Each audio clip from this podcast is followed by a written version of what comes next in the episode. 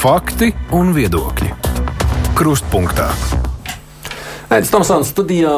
Ir pagājis jau vairāk nekā gads kopš Naukšanas sociālās korekcijas iestādē ir iestājies klusums kolēģi no Latvijas televīzijas. Tur savulaik atklāja ļoti nepievilcīgu iestādes ikdienu, nu, un atbildīgā izglītības un zinātnes ministrija neatrada citu risinājumu, kā iestādes slēgt, sakot, ka tur kaut ko salabot vairs nebija iespējams. Bet no nu, likvidācija jau, kā zināms, problēmu neatrisina. Mūsu vidū ir joprojām bērni, kas nu, zog, lieto narkotikas, izvaro vienaudžus. Mēs arī bieži nemākam palīdzēt un nezinām, ko darīt. Tādu mazgadīgu bērnu cietumā šķiet uzreiz neliks, vai tomēr varbūt vajag visu uzreiz likt vienkārši kolonijā, vai ir kāds cits veids, kā palīdzēt. Kam ir jāizpilda tukšums, kas ir izveidojies pēc naukšanas likvidācijas? Tas ir mūsu nākamo minūšu diskusijas temats sabiedrisko mediju dot pieceri akcijas ietvaros. Palīdzi jauniešiem, kurus līdzcilvēki izvēlas neredzēt. Šo studijā ir pusauģu resursu centra eksperta Romija Krēziņa. Labdien jums! Labdien. No SOS bērnu ciematu asociācijas pārstāve Agnese Igauni. Labdien! Valsts probācijas dienesta probācijas programmu nodaļas vadītāja Krista Skara. Labdien! Un Tieslietu ministrijas valsts sekretārs Mihails Papsiģevičs. Labdien! Labdien. Nu, tā kā naukšana mums vairs nav, Kas vispār šobrīd notiek ar tiem bērniem un pusauģiem, kas nu, apdraud ne tikai sevi, bet pārējo sabiedrības daļu? Jā, nu jāsaka, ka naukšanos jau arī bija tikai daļa no bērniem, kuri ir tādu vai citādu iemeslu dēļ nonākuši konfliktā ar likumu, un attiecīgi šāds lēmums bija pieņemts. Kopumā šo bērnu mēs zinām, ir krietni vairāk nekā arī naukšanos bija.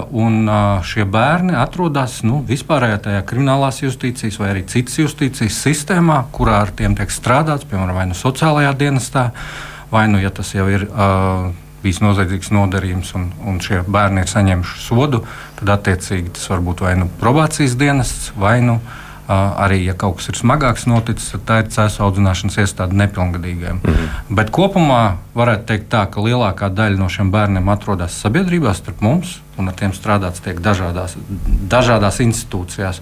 Un, uh, jā, un viena daļa, ļoti neliela daļa, atrodas ieslodzījuma vietās. Ar esošo situāciju viss ir vairāk vai mazāk kārtībā, ar to mums pietiek, citus naukšanas vairs nevajag. Mēs uzskatām, Tieslietu ministrija un arī plašāks ekspertu lokus, ar ko mēs esam strādājuši, ka tomēr nepietiek. Mums ir vajadzīga institūcija. Uh, un es galīgi negribu likt šeit nekādu nevienādības, ne līdzības zīmi ar naukšaniem, bet mums ir vajadzīga institūcija, slēgta tipa uz noteiktu laiku, kurā mums strādāt ar vissmagākajām situācijām, neizvirzot varbūt šo jautājumu līdz tādai kriminālai kriminālajai justīcijai, kas būtu jau ieslodzījuma vietā. Tātad kaut ko citu vajag, jūs sakāt? Mēs sakām, ka vajag, vajag. Jā, tāds ir tas mūsu viedoklis. Vai pārējās viesņas līdzīgi domā, vai kāds saka, ka nevajag?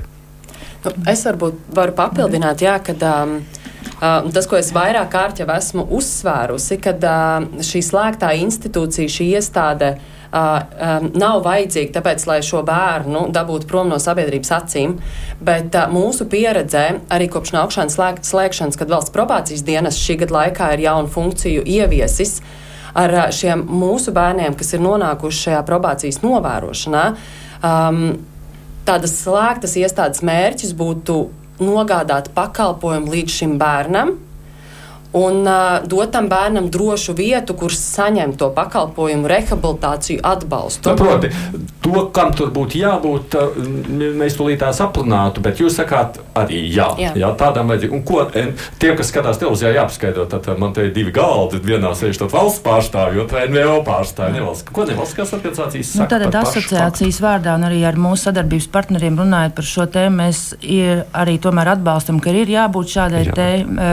Uh, iestādē, institūcijai, saucam, kā to gribam, protams, ar atbilstošu saturu, bet ir jauniešu daļa, kura tiešām ir nepieciešams slēgta tipa pakalpojums uz, uz konkrētu laika periodu. Uh -huh. Jo ar esošiem resursiem, diemžēl, mums Pietrūkst, ir rokas jā. par īsām. Pusauģu resursu centrs arī tāpat. nu, pusauģu resursu centrs, jā, mēs Pie, piekrītam to, ka mums ir nepieciešams papildināt pakalpojumu klāstu, ko mēs varam piedāvāt bērniem ar dažādām uzvedības problēmām, un, un, nu, kuriem ir kā, šis arī ļoti augsts vai iespējams jau izdarīt kādi likuma pārkāpumi. Taču nu, mē, es domāju, ka no mūsu puses mēs vairāk skatāmies uz šo problēmu kā uz sistēmu, kur viena kaut kāda konkrēta institūcija vai iestāde nevarēs atrisināt visas sistēmas problēmas. Uh, un, uh, un, uh, nu, es, valsts kontrolas bija šis ziņojums, manuprāt, 20. gadā, kur viņi nu, novilkt šo robežu, ka aptuveni 36,000 bērnu um, viņiem ir risks uh, kļūt par likuma pārkāpējiem nākotnē. Un, uh, un skatoties uh, no tās atbalsta sistēmas perspektīvas, nu, tā ir tā tāda piramīda, uh, kurā pati, pa, pa, pats pamats ir šī profilakse, kas palīdz aptuveni 85% bērnu. Um, tad vidējā sistēma ir šīs te jau individuālās intervences, kas ir īstenībā skolu paketē. Pēc idejas viņām vajadzētu būt iekšā skolu paketē, kur nāk iekšā klasē, kur izsina attiecības, kur piesaista varbūt kādus dienestus, nu jau strādā skolas vidienā individuāli ar šiem bērniem. Un tad ir trešā tipa pakalpojumi, kas jau ir uh, dažādas nu, institūcijas, piemēram, nu, kā programmas, kā pusauģu resursu centrs bērniem, kas paši vēršas pēc palīdzības, vai jau šādas te tādas slēgta tipa iestādes, kur ir iespējams arī izņemt bērnu no vidas, ja tā vide, piemēram, viņu, viņu pašu apdraud vēl vairāk. Tā kā es domāju, ka jā, tas ir nepieciešams šim, šiem te, nu, izrēķinot, es tur tā parēķināju, ja nu, tie aptuveni varētu būt, ja tie ir 30, 36 tūkstoši, tad tie aptuveni varētu būt nu, kaut kādi 1080 līdz 2000 bērnu, kuriem nākotnē vajadzētu nodrošināt šos trešās trešās kā, grupas pakalpojumus, specifiskos pakalpojumus. Nu, nu, ne, ne visus slēgtā tipā, gan es sapratu. Jā, jā tā kā, un, un šāds cipars ir pilnīgi panesams. Tad, kā, tie ir dažādi pakalpojumi, tās ir dažādas vai nu, psihiatriskās slimnīcas, piemēram, bērniem, kuriem ir arī kaut kādas vēl citi, citas grūtības. Tas ir pusauģu resursu centrs, kas ir uz nu, motivā, motivētiem vairāk vai mazāk pakalp, pa, nu, pusauģiem. Un tad ir nu, visas šīs te, kā, attiecīgās iestādes un institūcijas jau iespējams ar izņemšanu no šīs dzīves vietas. Un, uh, Un, nu, šo, šos, šo skaitu mēs varam pacelt. Bet jautājums, vai viena šāda instance Tad, varēs atrisināt? Jā, nu, jā. to es saprotu. Te droši vien arī maniem klausītājiem un skatītājiem jāpaskaidro. Mēs visu sistēmu pilnīgi noteikti šodien neaptversim. Tas arī skaidrs. Mēs nākamajā nedēļā turpināsim par šo sarunu. Tīpaši ņemot vērā, ka jau tulītās arī sāks pati dod akciju. Akcija dod pieci, un mums būs nākamajā nedēļā arī raidījumi no turienes, no studijas, kas ir Doma laukumā. Tātad tajā atsevišķajā studijā, kas ir redzama, un tur mēs mēs arī mazliet runāsim par to, kas notiek līdz naukšaniem nākamajā reizē. Bet tā, uh, iemesls, kāpēc mēs nu, kā, vienmēr no kādas puses var palūkoties. Tie naukšāni bija tie, kas arī kaut kādā brīdī tik ļoti izskanēja visā sabiedrības lokā, un tā pazušana mums šeit arī klausītāji jautājuši, kas tad notika? Kas notika tajā brīdī, kad mēs kaut ko aizslēdzam ciet? Ja es drīkstu, tad es precīzi no jums pateiktu, tātad mēs runājam par kaut kādu iestādi, kas ir vienkārši slēgta tipa. Ko mēs saprotam zem jēdziena slēgta tipa? Kolonija arī slēgta tipa. Jā, bet uh, ir tāda varbūt būtiska atšķirība. Uh, tad, kad mēs runājam uh, par uh, nu, koloniju, mums pirmkārt nav. Ja ir audzināšanas iestāde nepilngadīgiem, Cēsīs. tur izpilda sodu, vai arī cilvēku pirmstiesas procesā ievieto apcietinājumā. Tad mēs vienmēr runājam, ka jau ir noticis šis smagais process, un cilvēks jau ir saņēmis sodu, un viņš jau ir izdarījis pietiekami daudz, lai to sodu saņemtu. Jo bērniem Latvijā piespriež brīvības atņemšanas sodu patiešām tikai par kaut ko ļoti smagu. Vai nu slepkavība, vai nu izvarošana, vai nu laupīšana ar miesas bojājumu nodarīšanu. Tie ir smagi krimināla likuma panti, kur gadījumos tas notiek. Tad, kad mēs runājam par terapeitisko māju, man ļoti patika uh, Romijas salīdzinājums par to piramīdu. Pirmkārt, mēs saprotam, ka tas atkal ir ļoti nelielam skaitam, kam patiešām tā izolācija mm. un tas slēgtums ir vajadzīgs priekš tam, lai līdz šim bērnam vislabākā veidā varētu aizgādāt to pakalpojumu, kur mēs piedāvājam un pakalpojums. Tā ir tā būtība, kuru jānodrošina šai iestādē. Laikam, kuru cilvēks pavadīs šai iestādē, ir jābūt atbilstoši adekvātam tam, lai mēs spētu īstenot vienu, otru, trešo pro programmu, kas nu, varētu būt palīdzoša. Un vispirms, protams, nodibināt tādu uzticībā balstītu kontaktu ar šo bērnu. Jo uzspiest pakalpojumu nav iespējams, un tam nebūs pievienotas vērtības. Nu, nevienam Nu, kā tas cilvēkam, ne bērnam, ne bērnam, ne pieaugušam. Tas vienkārši nestrādās.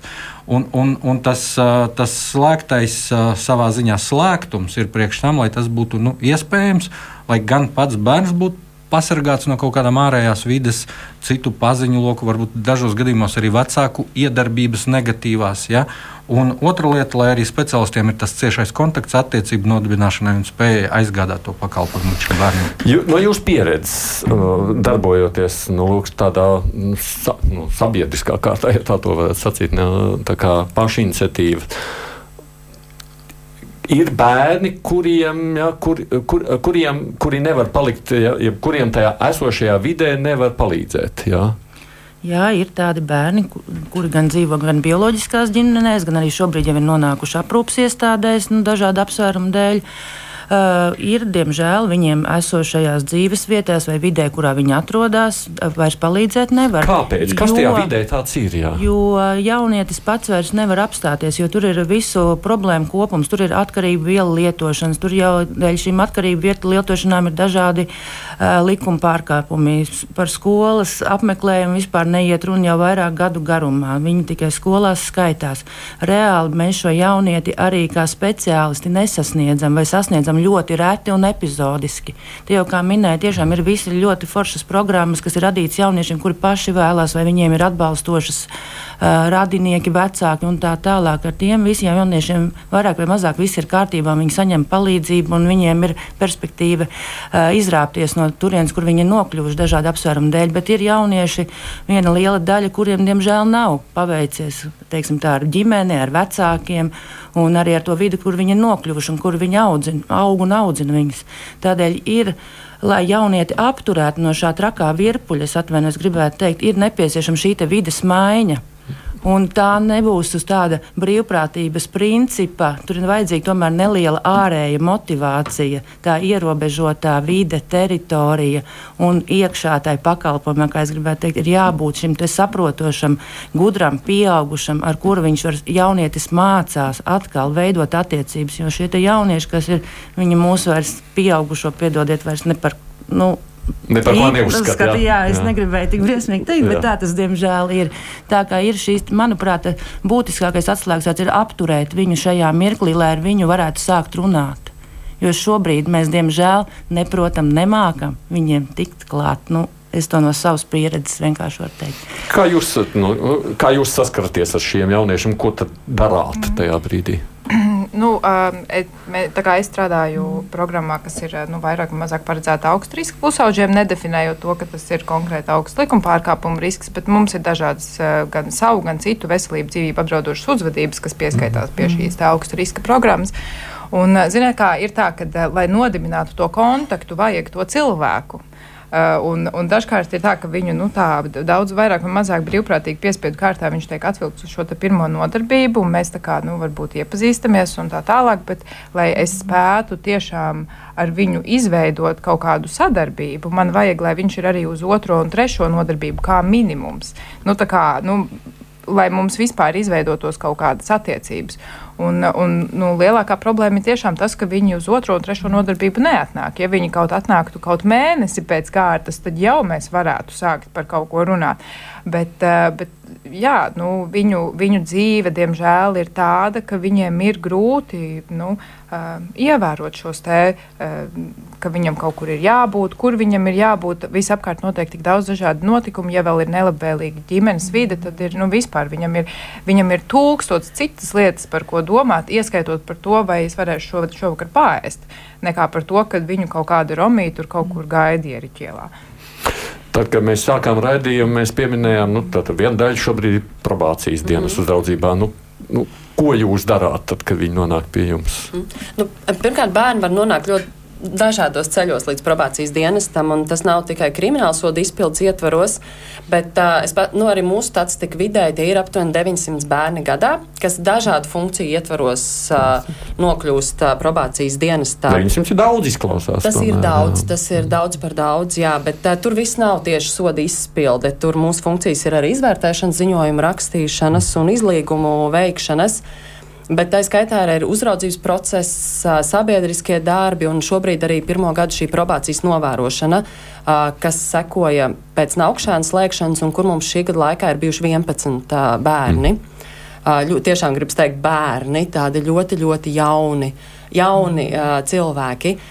Um, nu, manuprāt, tā svarīgākā lieta, um, ko vispār minēt, kad uh, es ļoti piekritīšu arī nevalstiskajam sektoram nodibināt šo kontaktu, un mums tam ir laiks.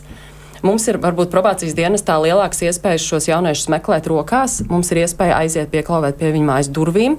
Mums ir iespēja redzēt, vai viņš ir mājās, un tā mūsu pieredze ir nu, ļoti, ļoti skaudra, jo arī pie mums nokļūst bērni, kur mēs redzam, ka viņš mājās nav. Neviens nezina, kur viņš ir. Tad, kad viņu atrod, izrādās, ka viņš nedēļām ir dzīvojis vai nu bērniņos, vai kāpņu telpās, vai kaut kur citur. Um, nevienmēr tie vecāki tiešām ir ļauni, bet reizēm arī vecāki un tie apkārt esošie pieaugušie ir bijuši ļoti ļauni pret šo bērnu. Tāpat laikā tikpat daudz ir pieaugušie, kur gadiem ir cīnījušies, mēģinājuši kaut kā tikt galā ar šīm bērna uzvedības lietām un nav spējuši tikt galā un ir nenormāli piekusuši. Un tad probācijas dienests. Um, nu, meklē, kā stiprināt šo ģimeni, kā stiprināt šo bērnu vidi. Ir iespēja šiem bērniem dot dažādu veidu pakalpojumus, pieeju speciālistiem. Un arī mums ir viens speciālists, kas probācijas dienestā ir klienta lietas vadītājs. Kurus mēs īpaši specializējam darbam ar bērniem un jauniešiem. Mēs liekam kopā gan nepilngadīgos, gan jauniešus līdz 25 gadu vecumam. Uh, Un tie ir īpaši mūsu atlasītie kolēģi, kur jūtos spēku, iedvesmu, kuriem sanāk, kurus mēs stiprinām, apmācam, izglītojam. Un kuri tad šim jaunietim mēģina piekļūt visādos veidos, lai dabūtu viņu tā skaitā arī uz probācijas programmām, lai viņš atnāktu uz šo pirmo reizi, iepazītos ar mani vai maniem kolēģiem, pēc tam kā, turētu to jaunieti ciet un dabūt, lai viņš atnāk arī otro un trešo reizi. Un tas, ko Romija teica, es pilnīgi piekritīšu. Ja viņš ir atnācis līdz trešajai reizei, mm. tad viņš turēsies arī. Nu, mūsu programma ir aptuveni septiņa pus, pusmēnešus gara, tad viņš turēsies cik var līdz beigām. Vienīgi, ja atkal kaut kas nenotiks viņa vidē, jo tas izklausās mums jau tāds iekšējais joks, bet tas ir neiedomājami, cik daudz tās problēmas atrodas mūsu jauniešus. Kā viņi spēj iekulties tādās lietās, kas mums nav prātam aptveramas. Bet mums ir tā iespēja, tad, kad viņš neatnāk uz nodarbību, kas arī reizes nedēļā, mēs viņu meklējam. Mums ir daudz resursu, lai viņu atrastu. Un, ko jūs darāt, kad atrodat? Kā, nu, tā kā valkat ar varu? Saprotam, kur ir tā, mhm. kas ir noticis. Un ticiet man, tie stāsti ir tik ļoti dažādi, kuru vecāki ir izmetuši no mājām. Uh, kurš ir atkal sācis lietot, kā jau jūs minējāt, kaut kādas apreibinošas vielas, uh, kurš ir bijis sadurts un nokļuvis, pieņemsim, slimnīcā, kurš ir piekauts līdz bezsamaņai kaut, kā, kaut kur Rīgas parkos. Ļoti, ļoti dažādi tie mhm. stāsti. Es pie tā jūsu sacītā, ka, nu, lūk, ne ar varu, bet, kā lai tev pasaka, ar labu. Jā, ziniet, nu, te ir divas daļas. Uh, arī šajā terapeitiskajā mājā tā doma, ka nonākšanai jau būs tas ārējais rāmis tiesneša lēmums, piemēram, šajā gadījumā. Tā mēs vismaz to plānojam. Bet tas nebūs gluži kriminālsots. Varbūt nespeciālistam liekas, bet kāda nu, tur starpība, bet tā starpība patiešām ir. Jo tomēr šie ir tādi maigāki līdzekļi, kas vairāk ir tomēr, nu, preventīvi, ka mēs gribam mm. saglabāt nevis kaut kā. Uh, nu, kaut kādu segregāciju taisīt. Jā, šis jau ir sodītājs. Mēs gribam saglabāt sabiedrībā šo cilvēku, palīdzēt viņam tikt galā ar problēmu. Bet, jā, piespiedu mehānisms, arī tas, ko stāstīja Krista. Jau šobrīd probācijas dienestā šie bērni nonāk ar piespiedu mehānismu lielākoties. Un tas ir tas ārējais rāmis, kas arī dod to iespēju, piemēram, braukt, meklēt, tas piešķir darbiniekam noteiktas tiesības, ko viņš ir tiesīgs darīt. Varbūt vairāk nekā, piemēram, NVO sektors, kurš nedrīkst to darīt. Vienkārši nav, nav tādu pilnvaru. Var, protams, zvanīt, ja ir kontaktālrunis tādā veidā nu, tādā, kā teikt, um, vispārīgā veidā, cilvēcīgā veidā, bet uh, probācijas dienas gadījumā un arī šī, šīs terapeitiskās mājas, tās būs tādas īpašas pilnvaras, kas to rāmi ārējo tam bērnam notiks. Un, uh, cik es arī pats vēl atceros no probācijas dienas, gan no jauniešiem, gan no pieaugušiem, tas ārējais tiesiskais rāmis bieži vien paši mūsu klienti ir teikuši, ka tas viņam palīdz, palīdz turēties pie kaut kādas disciplīnas. Un tas, ka darbiniekam ir arī pienākums noteikts lietas darīt, tātad, ja jaunietis neatnāca uz tikšanās reizi, tad tas nav izvēles jautājums, vai darbinieks zvanīs brauks viņu meklēt vai nedarīs. Tas ir viņa pienākums, viņam tas ir jādara.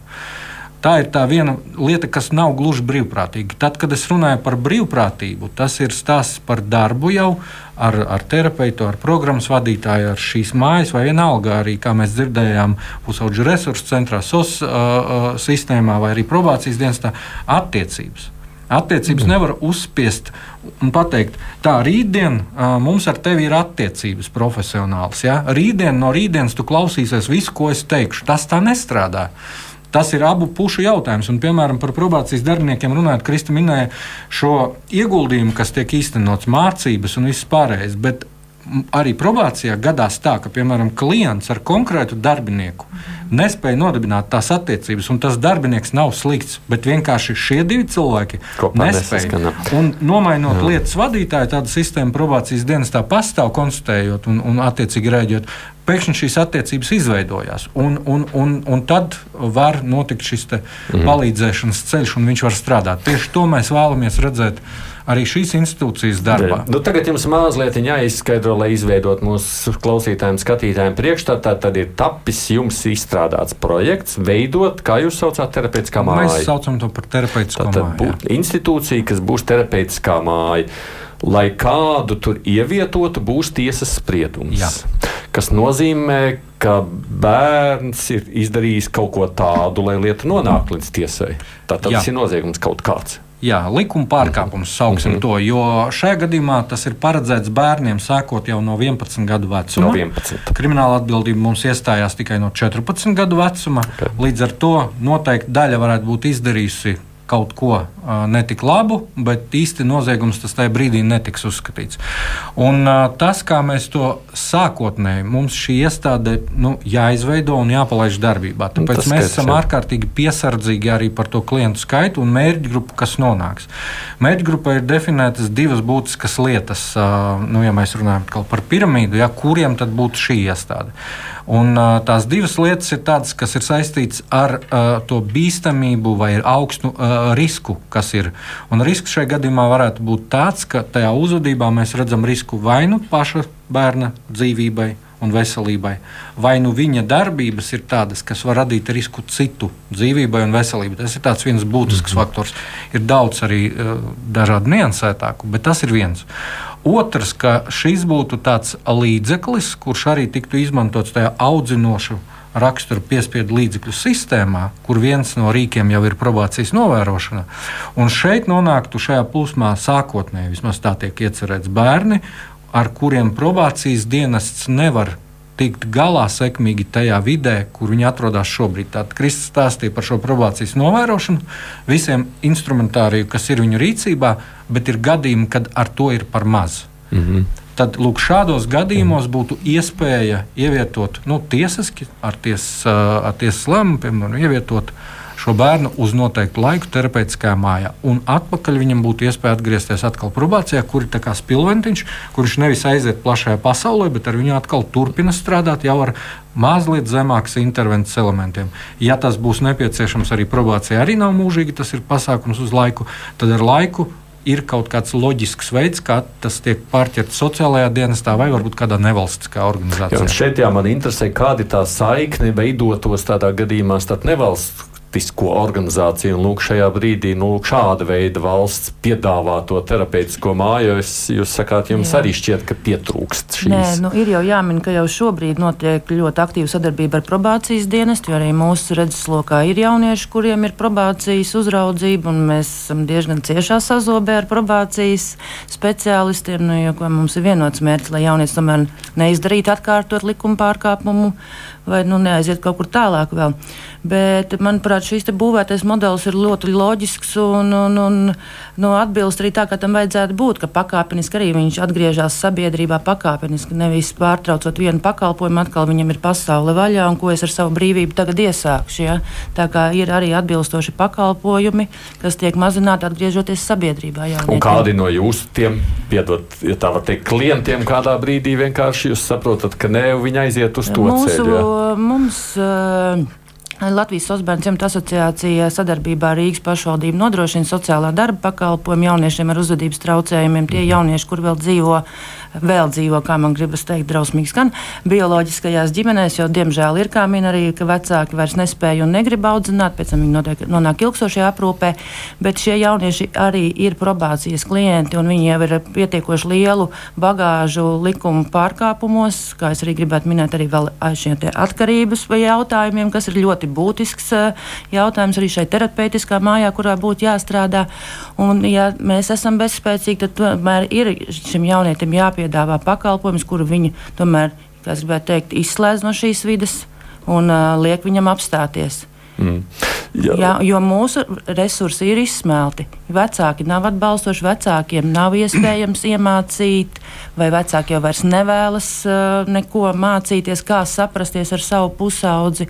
Jā, tā kā diemžēl mūsu resursi ir izsmelti un būsim godīgi, viņi, mēs nevaram mānīt sevi un citus, ka mēs esam visvareni. Jā, tā kā mums ir jā, jāmeklē citi atbalstoši pakalpojumi, lai to jaunieti, es negribu teikt, glābtu atkal, bet piedāvātu un viņš varētu dzīvot pēc tam normāli sabiedrībā. Kādā veidā jums, eh, jūsu bērni nonāk pie jums? Jums ir kāds arī tas ir sadarbības līgums ar pašvaldību, ar sociālajiem dienestiem. Kas ir tas, kādā mirklī jūs iesaistāties?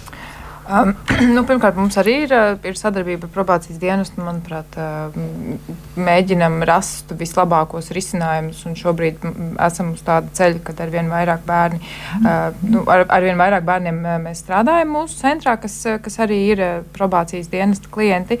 Um, taču es domāju, ka mums, mums šī te, mums, mēs esam atkal jau, jau cita līmeņa intervencija kā Sosbērnu ciemati, jo mums var piezvanīt pusaudzis pats. Mm -hmm. uh, lūgt eh, palīdzību pats. Tāpat tās var piezīmēt arī vecāki, eh, vai, vai arī tas pats. Mēs diezgan daudz saņemam jauniešu, kuriem ir ieteikts vērsties pie mums, piemēram, no sociālā dienesta vai skolās vai, vai pie kādiem eh, saviem reģionu tur, ārstējošiem ārstiem. Nu, mēs viņus vairāk saņemam caur šādu te. Kā, nu, Protams, sākotnēji tur ir kāda iniciatīva. Jā, un, un arvien vairāk bērni nāk tiešām nu, no mutes mutē, kur viņi viens otram pasaka, kā, hei, aizēju uz šejieni, tā kā šeit ir forši. Nu, mēs esam tāds sabiedrībā balstīts pakalpojums, kur, kur nu, nevienu tā piespiedu kārtā ne, nenosūta, kas mums no vienas puses uh, var būt. Uh, nu, Eh, jā, no vienas puses tas rada kaut kādas problēmas attiecībā uz šiem riska pusauģiem, no otras, pu no otras puses tas, ko mēs redzam, ir, ka jo vairāk mēs uzticību iegūstam viņu vidū, nu, viņi paši viens otram dalās, jo vairāk arī šie bērni, kuriem ir kaut kādas grūtības, kas saistās tieši ar, ar, ar riska jauniešiem, tad nu, viņi arī vairāk pie mums nāk un vēršas pēc palīdzības. Mm. Atgādināšu tikai klausītājiem, ka mēs šeit runājam par to, kas notiek ar no to caurumu, kāds veidojies pēc naukšāna likvidācijas. Pusauģa resursu centra eksperta Romija Krēziņa, Agnes Sigauni no SOS bērnu ciemata asociācijas, no valsts probācijas dienesta Kristas Kara un Tieslietu ministrijas valsts sekretārs Mihails Papsijēvičs. Raidījums Krustpunktā. Nu, lai būtu arī tāda mazliet cita sajūta, ka tā tajā mūsu diskusijā es palūkojos, ko ļaudis raksta, kamēr mēs šeit runājam. Un te ir diezgan no nu, reakcija, kas arī prasa komentārus. Nu, pieņemsim Intas rakstītais. Ja jūsu pašu bērni būtu cietuši no šādiem mežoņiem, tad jūs spriestu citādi. Es uzskatu, ka mazāk jāauklējas un jādomā, kā viņiem būtu labāk. Un šis ir stāsts par mūsu sabiedrības attieksmi. Mēs sakām, nu, nu, nu nu, izdarīja noziegumu, cietumā un miers. Jā, tāpēc, laikam, es strādāju sodu izpildē vairāk kā desmit gadus, lai es būtu droši, ka maniem bērniem tā vide, kurā viņi ir, ir drošāka. Jo tā ir mūsu pieauguša atbildība, kādu vidi mēs veidojam.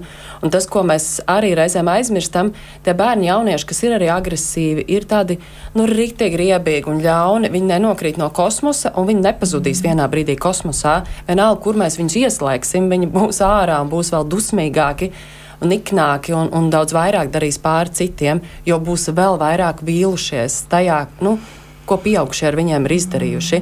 Jo es gribu atgādināt, ka neviens bērns nepiedzimst ar kaut kādām baigām zināšanām vai uzvedības problēmām. Visi bērni piedzimst, viņi smaida, viņi raud, viņi prasa apmierināt savas pamatvajadzības - ēdiens, mīlums, drošība, siltums. Un, un tas, ko mēs, kuriem tas pa lielam ir bijis pusi līdz normāli, kaut vai nodrošināts, Mūsu smadzenes nespēja saprast, kad ir bērni, pat šobrīd, kamēr mēs šeit sēžam un runājam, kur staigā pa ielu Nike botās nevis tāpēc, ka tas ir stilīgi, bet tāpēc, ka viņiem nav nekā cita, viņiem nav ziemas apavu, viņiem nav kam paprasīt. Ir bērni, kas iespējams šobrīd veikalā čiepja ēdienu, jo viņiem nav ko ēst. Tādi dzīvo nu, šodien mūsu sabiedrībā. Ir bērni, kuriem es ticu arī šobrīd, es ceru, ka viņi nav daudz, bet dzīvo kaut kur bēniņos un kāpņu telpās, jo tādus ik pa brīdim mēs satiekam. Un redzot un dab, iegūstot tos stāstus arī mm, kriminālsoda izpildē par šo bērnu likteni, par šo, kā viņu ceļš līdz noziegumam ir aizgājis, nedod Dievs mums kādam ar kaut ko tādu dzīvē saskarties. Un tas, ko arī uh, Sostiem pārstāv teica, ka um, tās atkarību problēmas, kas nāk līdz tam, tas ir pilnīgi loģiski.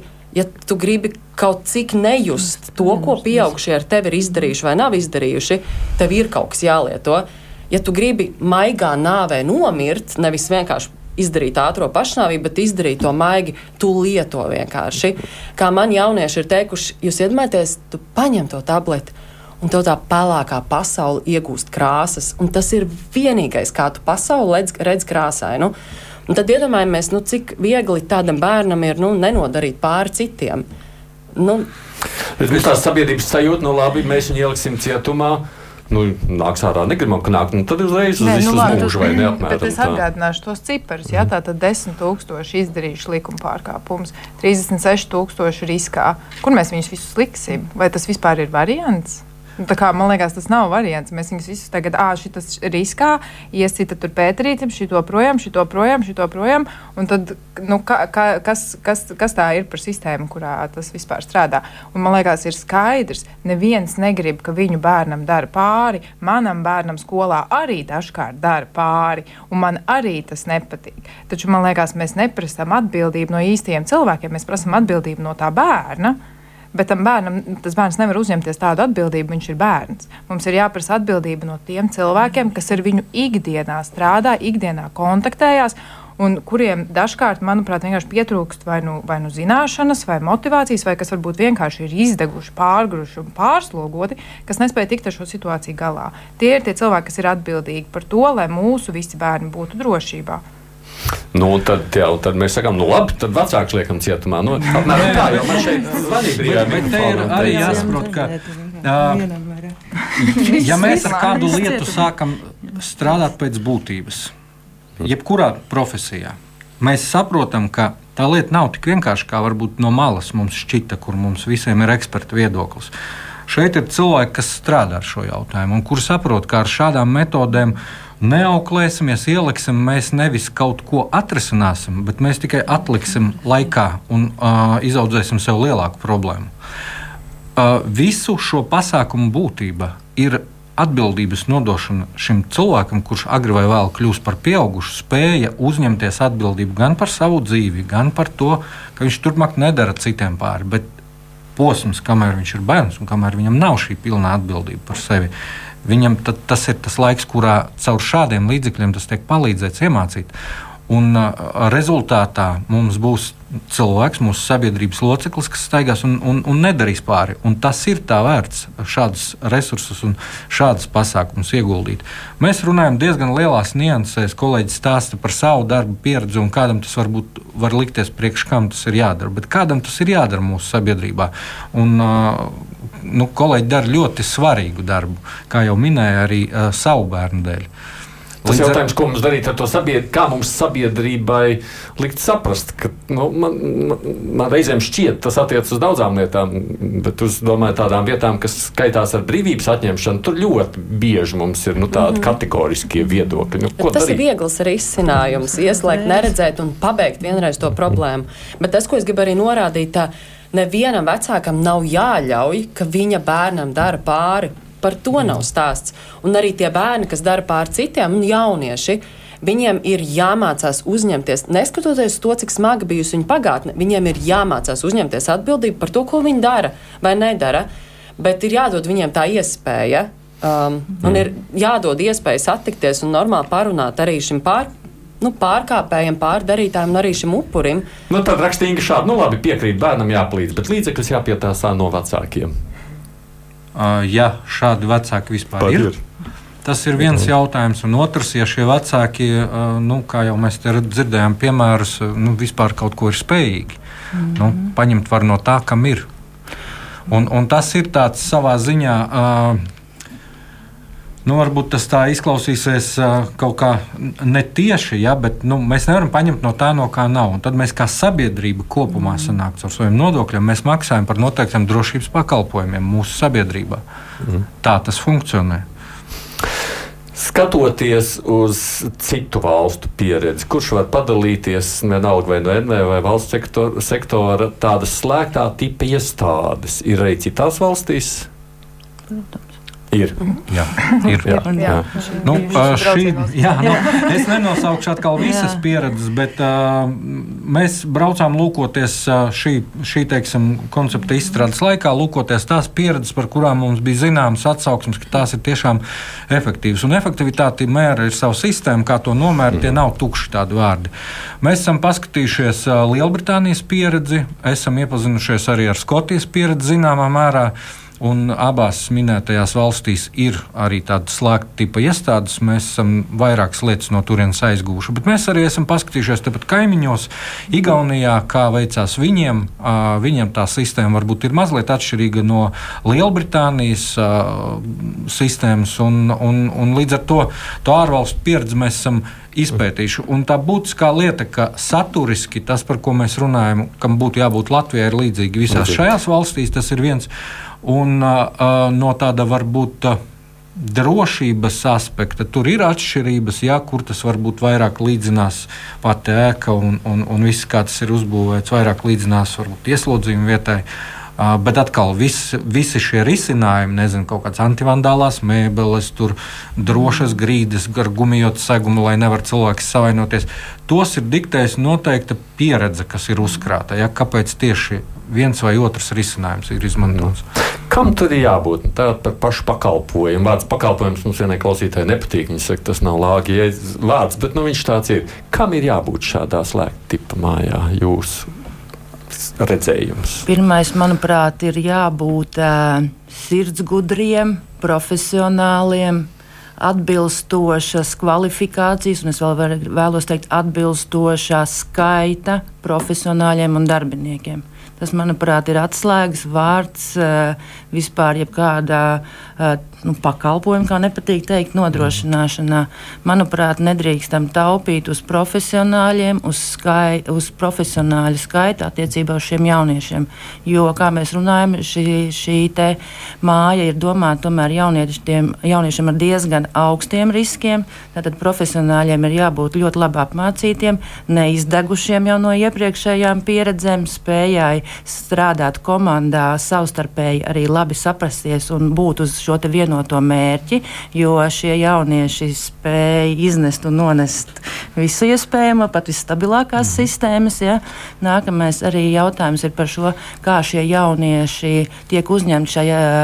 šajā mājā. Man negribas teikt, institūcija iestāde, jo mēs ātri pieradīsim, tas, manuprāt, mhm. nebūs tas pareizākais apzīmējums varbūt šajā mājā. Uh, tad uh, arī vai visi šie, pieņemsim, astoņi jaunieši ienāk vienā mirklī, tad ir jābūt pilnīgi citai komandai, citām metodēm, kā viņus uzņemt, kā viņiem adaptēties un tā tālāk. Vai ir jau kaut kādi jaunieši, ka, pieņemsim, trīs tiek uzņemti un tad paralēli nāk klāt jaunieši šais grupās, jo tur ir, jā, tas ir būtiski, kā veidot šo profesionāļu komandu, kas strādās ar šiem jauniešiem jau no viņu pirmās sagaidīšanas brīža. Jo viņi savstarpēji viens otru arī ietekmē. Ietekmē tie, viņi arī sevi viens otru noteikti ļoti labi pazīst, zina un ir bijuši jau iepriekšēji sadarbības pieredze okay. dažādās uh, pakalpojumu saņemšanas vietās. Ja? Tas ir, manuprāt, atslēgas vārds. Viens ir profesionāļi, atbilstoši skaita profesionāļi. Tagad tas ir tas mm. būtiskākais. Un, manuprāt, visiem šiem te kas nav izmērāms un nosakāms darba intervijās pēc trīs kādām, kārtām, ir jābūt, ka cilvēkam tomēr deg viņš par šo lietu. -hmm. Tas ir tāds mans uh, -hmm. būtiskākais, Jā. uz ko būtu īstenībā jābūvē uz šo profesionāļu komandu.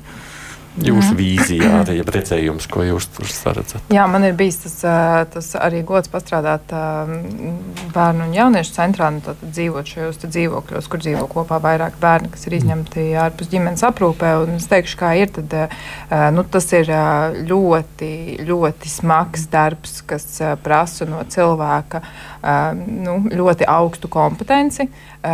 It īpaši tad, ja, tu, ja uz, uz tiešām nu, seši bērni, tu esi viens pats cilvēks, un tas ir, ir pilnīgi nesamērīga mm. slodze tam.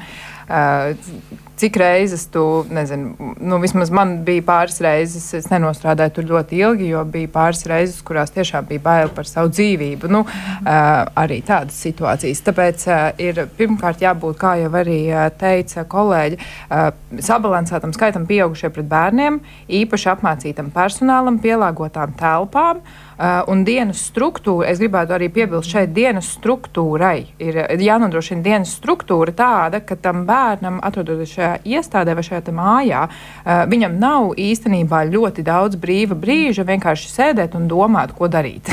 Mm -hmm. man liekas, ka tas bija arī tas, kas nu, savā ziņā nu, augšāniem bija viena liela problēma, kur viņi šos bērnus nenodarbina. Viņiem ir jābūt gan fiziskām aktivitātēm, gan izglītībai, gan uh, brīvā laika pavadīšanas telpām telpām. Un visai dienas struktūrai arī jābūt nu, tam, kādā veidā tas pakalpojums ir izkārtots, jābūt balstītai nu, tam, ko mēs saucam par uzvedības analīzi, kas ir nu, pierādījumos balstīts veids, kā mēs strādājam ar uzvedību. Uh, visas šīs metodes arī visiem speciālistiem jā, vajadzētu būt apmācītiem šajā te, uh, nu, gan, kas ir gan terapija, gan arī, gan arī nu, vispār darbības veids ar, ar pusauģiem. Tikai tad mēs varam runāt, sākt runāt par to, ka tā ir tāda nu, terapeitiskā māja, un tad likt klāt tur dažādas vēl psiholoģiskā atbalsta pakalpojumus, vēl cit, nu, citas lietas un tā tālāk.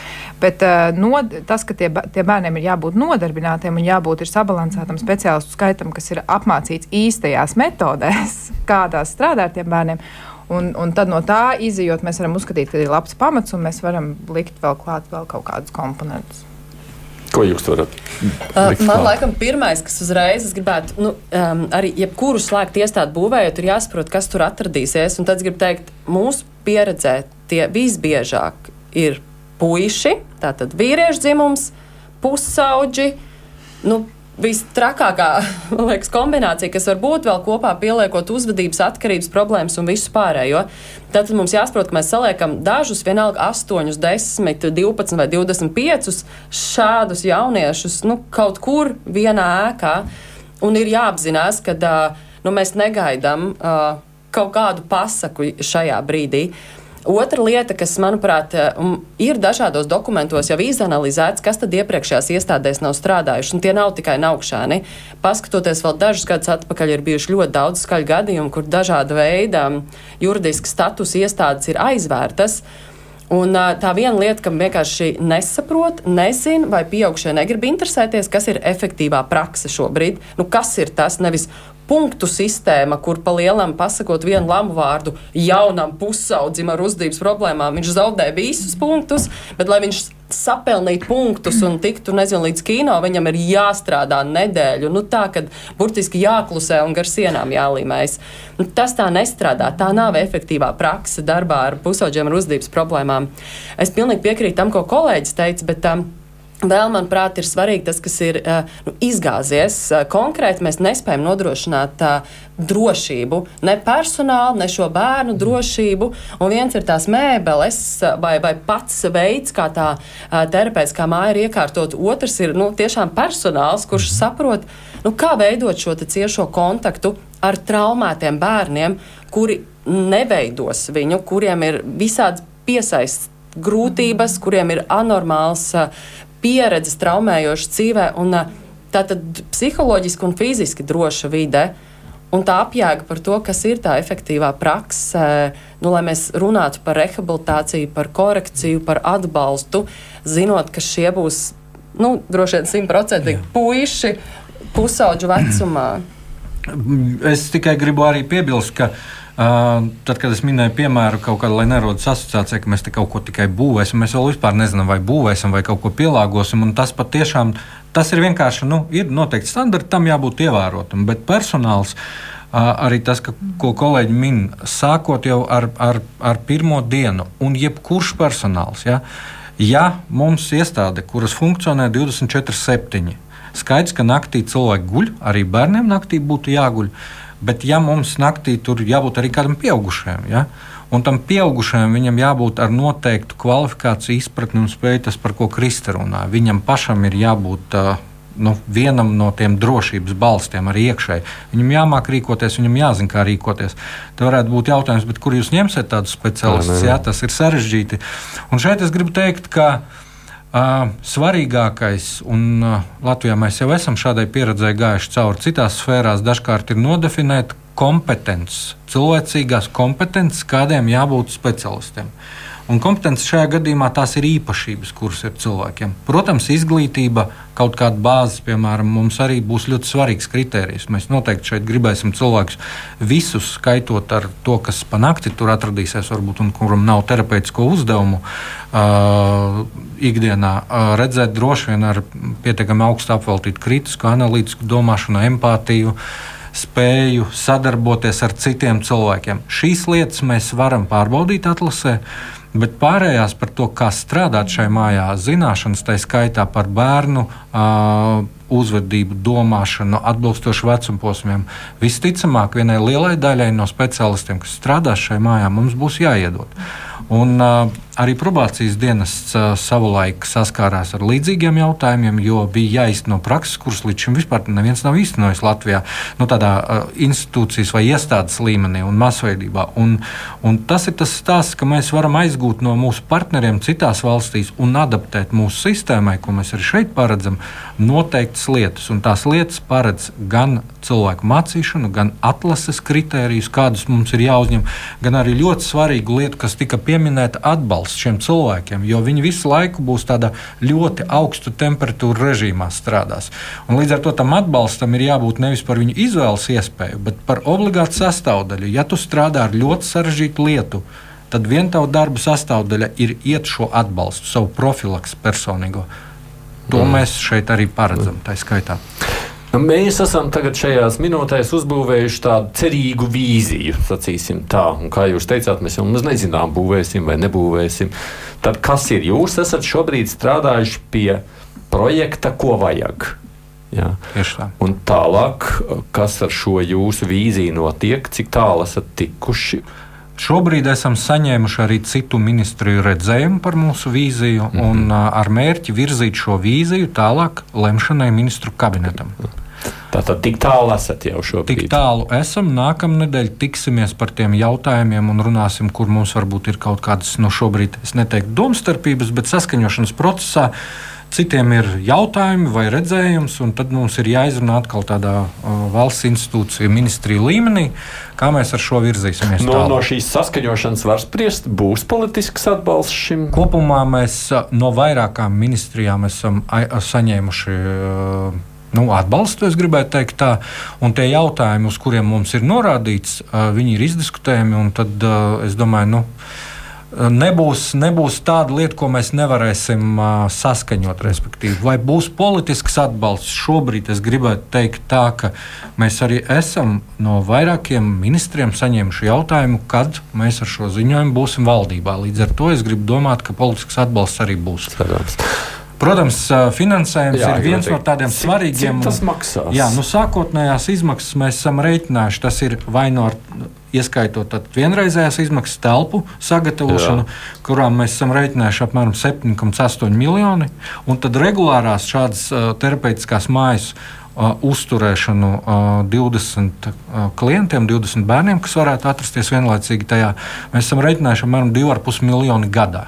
Mm -hmm. Ja man jāsaka, vai tā ir liela summa vai maza summa, kopumā mēs saprotam, ka tāda tipa iestādēm tā ir samērīga un adekvāta summa. Jo šeit mēs arī runājam par to, ka tajos 2,5 miljonos ietilpst algas.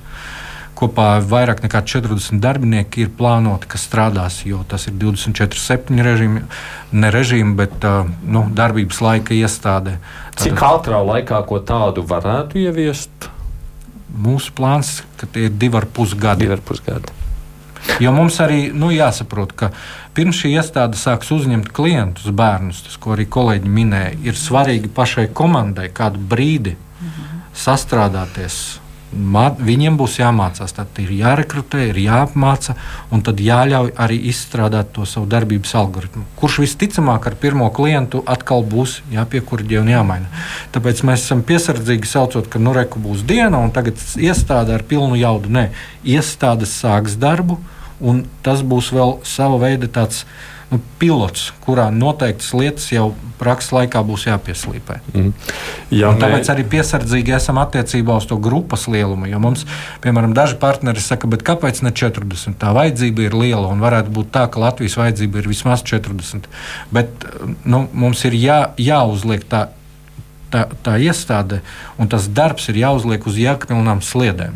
Probācijas liels, manuprāt, pluss ir bijis tad, kad sākās vispār 2003. gadā. Funkcijas nāca pakāpeniski. Katru no lietām varēja tādā jēdzīgā laikā uzlikt uz tām sliedēm. Un tad, kad nāca 2006. gadā lielās funkcijas, tad gandrīz probācija.